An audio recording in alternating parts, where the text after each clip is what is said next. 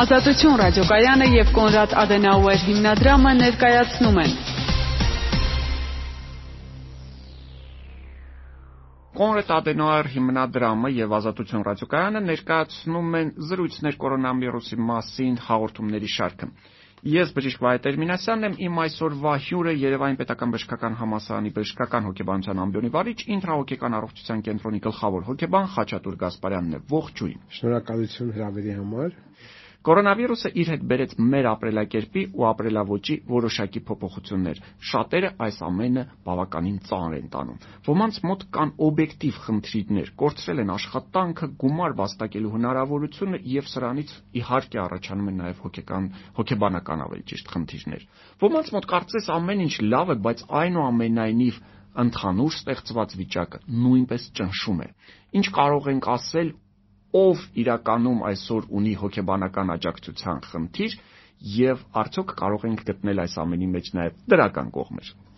Շատ լայն հարց տվեցիք, Արգելի Վահե, ասեմ, որ նախ հենց պանդեմիայի հայտարարելուց հետո համաշխարհային առողջապահական կազմակերպությունը երկրորդ օրը միանգամից խոսեց հոգեկան առողջության մասին։ Ինչու՞, որովհետև մենք ծանոթ ենք, որ մեկուսացումը, սոցիալական հերավորությունը ինքը այն դեպքում, երբ որ մարդը դիմում է հոգեբանի, դիտվում է որպես բացասական ախտանշան։ Այսինքն մենք մարդկանց, օրինակ տրամադրության խանգարման դեպքում հարցում ենք, իսկ նկատել եք, որ մեկուսացել եք, չեք ուզում շփվել, եւ իրենք եթե ասում են այո, դա եւս մի քայլ է դեպի դեպրեսիան։ Հա, բայց մեզ իսկ այս շատ շատերը չէին ուզում մեկուսանալ, մեծ ստիված մեկուսացան։ Ինչ որտեղ այո, մեր ազգի համար դա անցանկալի դրսևորում էր։ Բայց մեր այս պարագայում մեկուսացում եւ մի հետ մի քանի շերտեր կան այստեղ։ Մեկ այն է, որ փաստորեն ողջվեց, որ մարդկանց զգալի մասը ինքն իր հետ մնալու կարողություն չունի։ Այսինքն դա շատ նոր մի տարբերակ է հոգեկան դժվարության, որովհետև մենակությունը նշանակում է, որ դու ինքդ քեզ հետ հարմոնիկ վիճակում ես։ Գիտես ինչով զբաղեցնել քեզ, միտքդ կենտրոնացնել քո ուզած ուղղության վրա, կենտրոնացումը եւ ուշադրությունը, իսկ այս պարագայում շատ մարդիկ եղան, քանի որ մեր ծառայությունը շարունակ գործում էր, սկզբում արցանց հիմա արդեն նաեւ կարող են այցելել, եւ այդ ընթացքում մենք բազմաթիվ զանգեր էինք ստանում դրա վերաբերյալ։ Մի հանգամանք, որը ձեր հարցի ընթացքում ես մտածեցի, ինչն է հոգեկան առողջության վիճակը սրում, դա այն է, որ առաջին հերթին չկա ժամանակային հստակություն որքան ժամանակ աշխարհի երկիր մոլորակի ժողովուրդը կամ հենց վերցնենք մեր հայրենակիցները պետք է սպասեն, որպեսզի այս ամենը ավարտվի։ Եթե նույնիսկ մենք իմանայինք, որ մի տարի 7 ամիս հետո բոլոր խնդիրները կկարգավորվեն, հաշվարկ լիներ, որով մեզ տեղեկացնեին, որ խոսքը գնում է այսքան ժամանակի ժամանակի մասին։ Այո, այդ պարագայում մարդը իր բնույթով այնպեսին է, որ բոլոր ադապտացիայի հարմարողականության համախտանիշով նշաններով ինքը կհարմարվեր, կնախապատրաստվեր եւ կտրամադրվեր հաջորդ փուլերում ավելի այսպես լավ անցկացնելու համար։ Երկրորդ անորոշությունը դա պատվաստման բացակայությունն է, որը նորից մի տեսակ ոնց որ անելանելի իրավիճակ է ստեղծում։ Երրորդ անորոշությունը այն է, որ բուժման հստակ պլաններ չկան, կան որոշակի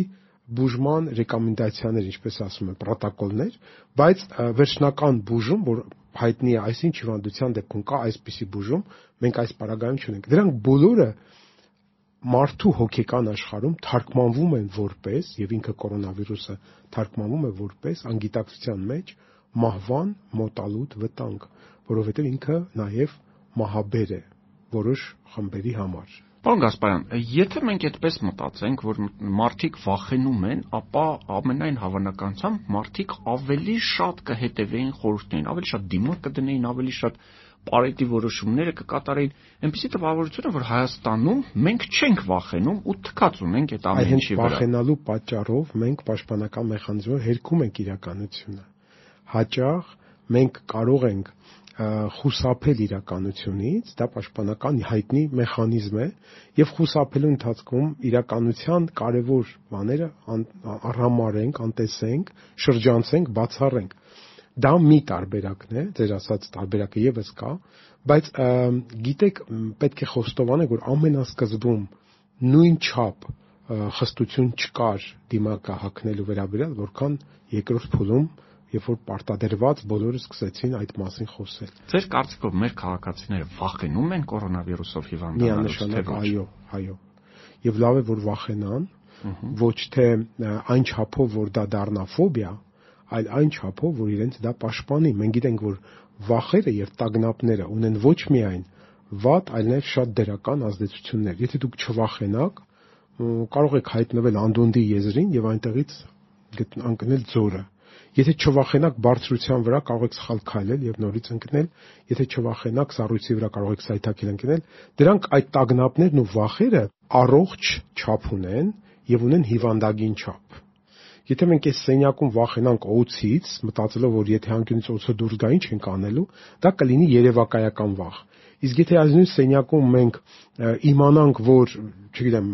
վերևում ինչ որ բան է պատահել եւ տանիքը ամուր չէ, վախենանք այդ տանիքի փլվելուց, դա կլինի ոչ թե երևակայական, այլ իրական վախ։ Պանդեմիան իրական վախ է։ Եթե ես իմ երեխային ասում եմ, արի իջնենք առավոտը շուտ մի քիչ հեծանիվ քշենք, ու նա ասում է, բայց դրսում կորոնավիրուս կա։ Սա լավ է թե վատ։ Սա խոսում է այն մասին, որ դուք ստեղծել եք պատնեշը կորոնավիրուսի վերաբերյալ գիտելիքը փոխանցել եք, բայց չեք փոխանցել, որ այդ որ դեպքերում է դրանք վտանգավոր։ Դա նշանակում է, որ պետք է հաջորդ փուլը կատարեք։ Առաջի փուլը շատ մեծ հաջողությամբ դուք իրականացրել եք։ Երկրորդ փուլը ինչպես պաշտպանվել նրանից, դերևս չեք արել, լավ կլինի, որ իրականացնեք, սա նաև վերաբերում է բոլոր մեր բոլոր ռադիոլսողներին, որ լավ կլինի, որ ձեր երեխաների հետ հատուկ աշխատանք տանեք, որովհետև երեխաները խոցելի խմբերից մեկն են։ Երեխաների հետ կարծում եմ հիմա ամենաշատ խնդիրներն են։ Երեխաները, որ գնում էին մանկապարտեզ, երեխաները, որ գնում էին դպրոց, իրենց էներգիան այնտեղ սպառում էին, հիմա այդ ամբողջ էներգիան կուտակվել է բնակարանի 4 պատի մեջ։ Ինչ անել։ Նախ ես կուզենայի մեր սիրելի ունկնդիր ծնողներին խորհուրդ տալ, որ երեխայի օրը պլանավորեն ի սկզբանե, ոչ թե այդ օրը իրավիճակային որոշեն, դե լավ, հիմա եթե սենց է, հիմա սենց անենք։ Նույնիսկ եթե դուք ուզում եք, որ երեխան ինչ որ ժամանակ խաղերով զբաղվի համակարգչային վայրը, դրա համար կա հստակ սահմանված ժամկետ, չի կարելի ավելի քան 15-ից 20 րոպե մեկ անգամյա եւ շապ մի օրվա ընթացքում ամենաշատը կարող եք 2, ծայրահեղ դեպքում 3 Երրորդ կարևոր խնդիրը. Աշխատեք երեխայի համար մտածել ուրիշ ակտիվություններ, դա կարող է լինել, ասենք, տան մեջ ինչ որ ակտիվ խաղեր։ Եթե տան մեջ դա հնարավոր չի, նրան տարեք բակ, հեծանիվ, տարաբնույթ, ասենք, ցածկապարան եւ այլն։ Երրորդը, շատ կարևոր է, որ առողջ սնունդ կազմակերպել երեխաների համար եւ շատ գլխավոր գլխավոր կարևորագույն հարցը նրանց սոցիալիզացիայի հարցն է, Այն ինչ որ նրանք սովորում են բակից, դպրոցից, արտաքին ընտանիքից դուրս միջավայրից, մենք երբեք ընտանիքում նրանց ի վիճակի չենք այդ ամենը սովորեցնել։ Բայց հիմա ես չեմ ուզում, որ նա բակում շփվի այլ երեխաների հետ։ Դա վտանգավոր է։ Ես չեմ ուզում, որ նա գնա դպրոց, ես չեմ ուզում, որ նա գնա մանկապարտեզ։ Կարելի է կազմակերպել, ինչպես ես իմ երեխաների համար կազմակերպում եմ, որ իրենք գնան հեծանիվ քշելու, գնան գնդակ խաղալու, գնան ինչ որ ակտիվություն միասին, այո Ինչ կասեք ընտանեկան խնդիրների մասին, որովհետև կար անգամ կարծեմ վիճակագրություն, որ Չինաստանում օրինակի համար այս պանդեմիայի ժամանակահատվածում բաժանումները շատացան։ Ես հասկանում եմ, օրինակի համար տղամարդը, որ ամեն օր գնում էր աշխատանքի, գումար էր վաստակում, բերում էր տուն, ու հիմա բազմոցի վրա պարկած է եւ հերիք չի գումար չի աշխատում, նաեւ ամենայն հավանականությամբ նյարդայնացնում է տանտիկնոջը։ Նախ ինչ վերաբերում է Չինաստանին, հետագայում դա հերքվեց, ասելով, որ քանի որ այդ ընթացքում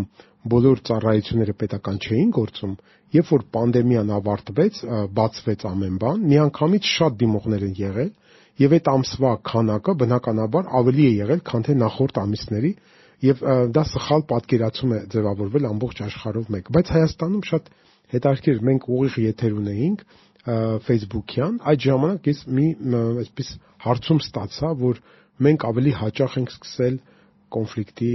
մեջ մտնել ամուսնուս հետ ինչ խորհուրդ կտակ Պարզ է որ կորոնավիրուսը չի կարող լինել կոնֆլիկտի առաջացման պատճառ եթե հայտնվելով միմյանց հետ ամուսինները սկսում են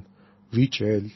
տարաբնույթ խնդիրներ ունենալ, իրենց դժվարությունները ավելի սուր ձևով դրսևորվում է, Դա խոսում է այն մասին, որ մինչև կորոնավիրուսը եղել են մի շարք թաքնված չլուծված հարցեր։ Ուղղակի այս պարագայում նրանք բարձրանում են ոնց որ ջրի երես կամ Երևան են գալիս բայց ուզում եմ որ մեր ռադիոընկերներին նաև օգնության համար ասեմ որ կորոնավիրուսը յուրահատուկ մեսիջ է ամբողջ աշխարհի մարդկությանը արժեքային վերադասավորումներ անելու համար մենք ապրում էինք մի աշխարհում, որտեղ գեր նյութապաշտական խնդիրները կարծես մի տեսակ խեղդում էին մեզ։ Այսօր մարդկությունը ինձ թվում է որ ճանապարհին է հասկանալու, որ ժամանակն է, որ մենք ուշադրություն դարձնենք բժշկագիտության,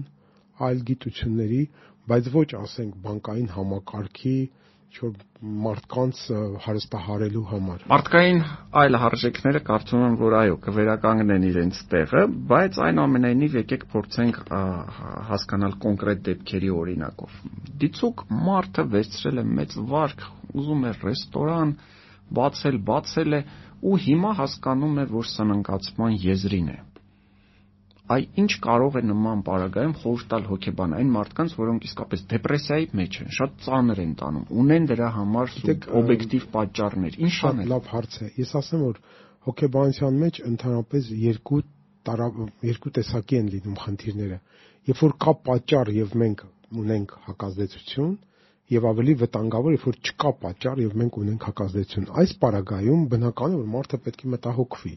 բնական է որ նրա մոտ պետք է առաջանան տագնապներ բայց այստեղ տարբեր շերտեր կան մեկ այն է որ ինչպես պետությունը պետք է դրա համար իր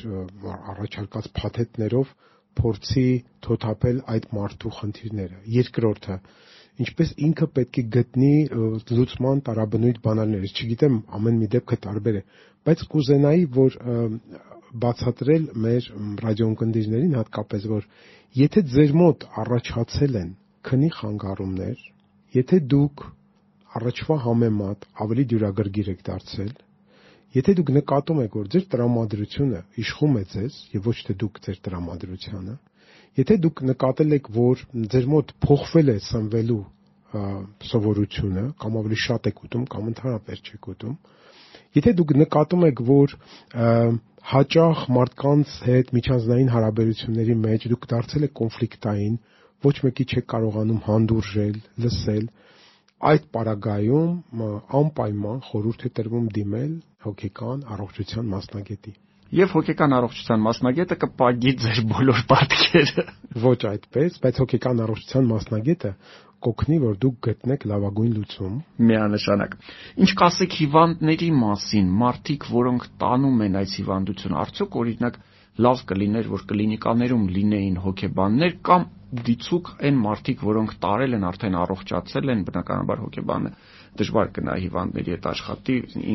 ինքն էլ չվարակվելու համար, արդյոք արժի որ նրանք հետո զրուցեն հոգեբանի հետ։ Գիտեք, նրանք ովքեր հաղթահարել են կորոնավիրուսը, իրենք ունեն այսպես հաղթողի սցենար, դա շատերին օգնում է, որպիսի շարունակեն իրենց կյանքը, նրանք անցել են մի փորձության միջով, որը փորձանքի չի վերածվել իսկ այն մարդիկ, ովքեր այնուամենայնիվ անցնելով այս ամենը հաճախ անդրադարձ են կատարում, վերադառնում են այն թեմային, որ բա որ հանկարծ այդպես չշարունակվեր, եթե ես ավելի վատ լինեի, եթե այդ բժիշկը չլիներ, եթե ինձ այդ օրը հիվանդանոց չտանեին, եթե նման դեպքեր կան, դա նշանակում է, որ մարդը չի կարողանում թոթափել անցյալի տագնապները, նրա մոտ արդեն կորոնավիրուսը մնացել է այնտեղ փաստորեն տրավմատիկ այո ռեակցիաներ, այդ դեպքում խորհուրդ է տրվում դիմել մասնագետի։ Եվ ընդհանրապես ոչ միայն մարդկանց հետ, ովքեր վարակված են, բժիշկների հետ անհրաժեշտ է ստեղծել հոգեբանական շատ կուր ցանց աջակցության, որովհետև նրանք գտնվում են կիզակետում բոլոր այս իրադարձությունների համաշխարհային առողջապահության կազմակերպության տվյալներով ամենահաճախ խնդիրները խոցելի խմբերի մեջ նաև դիտվում են բուժ անձնակազմը եւ բժիշկները ընդհանրապես։ Կա այդպիսի ծրագիր այսօր Հայաստանում բուժ աշխատողներին հոգեբանական օգնություն ցուցաբերվում է թե Այո, կա։ Այո, այո, հոգեբուժական Հայաստանի հոգեբուժական ասոցիացիան այդպիսի ծրագիր է իրականացնում եւ շատ հարթակներ կան հոգեբանական, որոնք այդ թվում նաև ինտրահոգեկանարության կենտրոնը օգնում են, աջակցություն են ցուցաբերում նրանց, ովքեր ունեն դրա անհրաժեշտությունը։ Պարոն Գասպարյան, ինչ կասեք այն ընտանիքների մասին, որտեղ ցավոք սրտի այ այս հիվանդության պատճառով եղել է կորուստ այսինքն նույն երեխան տեսել է, որ այ պապիկը, տատիկը մահացան կորոնավիրուսից բնականաբար այդ երեխային շատ դժվար է արդեն ասել, որ այ դուրս արի Բաքում հեծանիվ քշի, հա, նույն այդ հեծանիվի օրինակը բերենք։ Այո, գիտեք, ընդհանրապես անկախ կորոնավիրուսից ցանկացած ընտանիքում, որտեղ լինում է կորուստ, որևէ մեկի մահ, դա առաջացնում է համապատասխան ընտանիքի, ընտանիքը մի օրգանիզմ է, որտեղ ցանկացած անդամի, եթե մի որևէ փոփոխություն է լինում, հատկապես մահ կամ ծանր հիվանդություն, ամբողջ այդ օրգանիզմը փոխում է իր կենսակերպը, ֆունկցիաները եւ բնականաբար անկախ նրանից թե ինչ պատճառով է մահվան դեպք եղել ընտանիքում, այնտեղ կա մի շարք հոգեբանական հարցեր եւ մահից հետո ընտանիքը վերադասավորվում է, ընտանեկան դերերը փոխվում են, բացակա անձը դառնում է երբեմն ավելի կարևոր, երբեմն դառնում է ֆետիշացման աղրարկա։ Շատ-շատ խնդիրներ կան, մենք հիմա առանձին չենք կարող վշտի հոգեբանության մասին, բայց այնուամենայնիվ, եթե դուք նկատում եք, որ այդ դեպքից հետո երեխայի մոտ փոխվել է վարքը, փոխվել է տրամադրությունը, նախկինի համեմատ կան որոշակի հոգեկան առողջության եւ ընդհանրապես իր սոցիալական դերսևորումների շփումների փոփոխություն, անպայման դիմեք մասնագետների, որpիսի դա հետագայում ավելի ցանկալի հետևանքների չբերի։ Պարոն Գասպարյան, վերջին խորհուրդը բոլորին ինչ անել, որպիսի այս ամեն ինչի մեջից դուրս գալ այդ ձեր ասածով հաղթահարողի հոգեբանությամբ, հաղթողի հոգեբանությամբ։ Գիտեք, նախ ուզում եմ ասել, որ մի վարանեք, եթե դուք ունեք տագնապ, որովհետև տագնապը նրա համար է, որ ձեզ օգնի։ Տագնապը մեր թշնամին չէ, այլ մեր օգնականն է։ Երկրորդը, հիշեք, որ ամբողջ աշխարհի մարդկությունը, գիտնականները, այդ թվում նաև Հայաստանում, ամբողջությամբ իրենց ներուժը դրել են աղթահարելու համար այս ամենը եւ ես շատ օպտիմիստական եմ մոտենում այդ հարցին, որ ուշ թե շուտ կգտնվեն լուծումներ եւ ամեն օր ապրեք տվյալ օրվա կյանքով, ոչ թե նայեք ապագային, եւ փորձեք իրավիճակը գնահատել ոչ թե հույզերի, այլ տրամաբանության տեսանկյունից։ Քանի դեռ դուք վարակված չեք, մի ապրեք այնպես, կարծես դուք վարակված եք, իսկ եթե դա պատահել է, կնշանակի, որ դուք արդեն ձեռք եք բերել իմունային որոշակի պաշարներ եւ ավելի հեշտությամբ կհաղթահարեք ձեր դժվարությունները։ Մաղթում եմ ձեզ ամենայն բարիք, հոգեպես առողջ եղեք։ Սա Կոնրադ հիմնադրամի եւ Ազատություն ռադիոկայանի համատեղ ծրագիրն է զրույցներ կորոնավիրուսի մասին։ Իմ հյուրը այսօր ինտրահոգեկան առողջության կենտրոնի գլխավոր հոգեբան Խաչատուր Գասպարյանն էր։ Պահպանեք անվտանգության կանոնները, եղեք առողջ, կհանդիպենք մեկ շաբաթից։